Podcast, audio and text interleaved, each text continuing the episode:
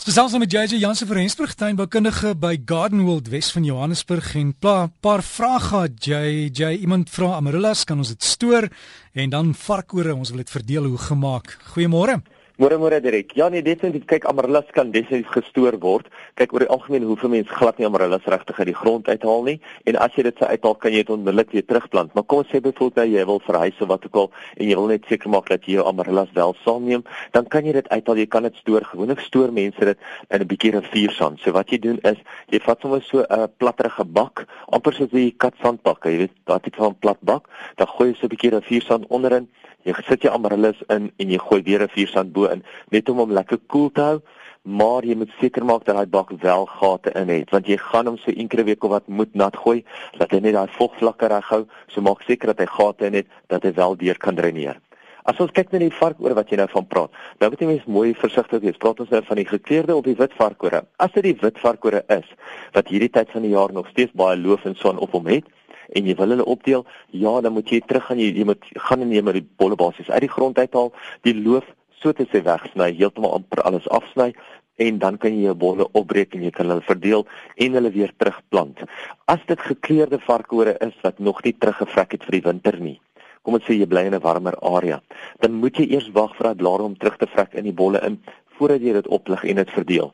Sou jy dit nou net oplig blare afsny en dit verdeel, dan gooi jy eintlik al daai energie wat nog in die blare sit, gooi jy eintlik weg. So mens moet eers wag dat al daai energie, al daai blare eers terugvrek in die bolle in, dan kan jy hom uit uithaal en opverdeel. Ja, en JJ mens moet die goed merk in die grond dat jy weet waar hulle is om hulle verdwyn. Ja nee, definitief. Is baie, baie belangrik vir al die mense ehm, 'n um, nuwe tuinier of ietsie inkry iemand wat jou vinnig kom help. Baie keer dan dan spit hulle daai bolle uit en hulle gooi dit weg want hulle weet nie wat dit is nie. So maak doodseker dat jy weet waar dit is en as iemand self jou tuindiens vir jou kom help, merk dit. Maak seker dat hulle weet waar dit is, dan kan jy hulle nou nie blameer na die tyd nie. En jy sê die ander goed wat ons nou kan doen? Right, ja nee, nou is dit die winter is hier so en ons is nog steeds so 'n paar tuintakkies wat mense wel kan afhandel. Nou eerstens wil ek 'n bietjie gesels oor grasperke. Nou mense sal graag um hulle grasperke altyd mooi wil hê oor die wintermaande. Maar onthou, selfs al is dit winter, moet 'n mens nog steeds jou grasperk ten minste 2 keer 'n week op wat net vinnig nat gooi. Dit is nie nou nodig om hom sopnat te gooi nie en dit is ook nie nou nodig om hom enigstens te voer nie tensy jy 'n koelseisoen gras het. Onthou jy koelseisoen grasse groei nou in die winter sterker as in die somer.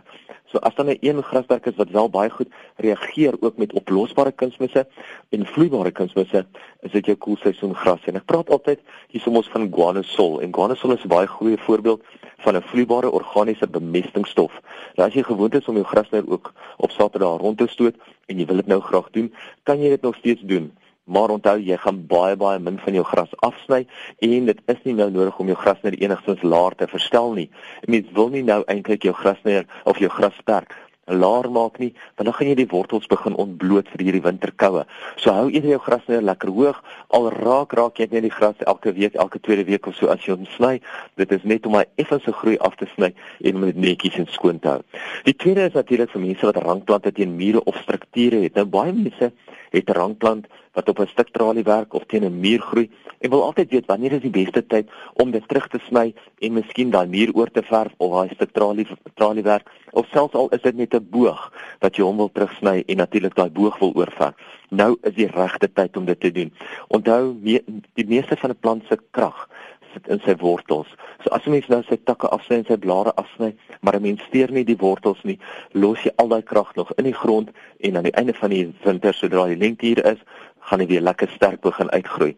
En baie mense sê ook dat gewone ivy jou hedera eintlik rotte na die huise toe bring omdat dit so 'n lekker plek is vir die rot om in te bly. Ja, dit kan wees. Ek sal dit glad nie uh enigstens betwyfel nie. Maar onthou ook dit is nou vir my en jou wat ons eintlik moet kyk om rotgif neer te sit wat eintlik baie omgewingsvriendelik is. Onthou, 'n mens kry rotgif wat wel nie jou jou roofdiere sal doodmaak nie.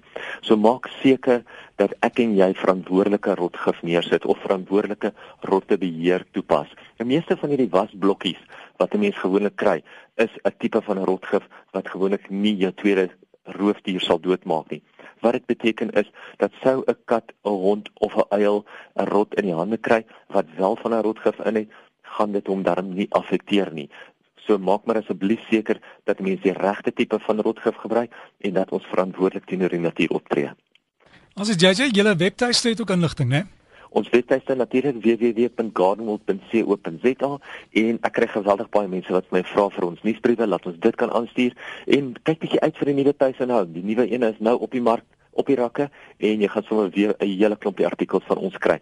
'n Laaste enetjie ook goeie nuus, die Chelsea uitstalling kom wel terug na Gardenwold toe.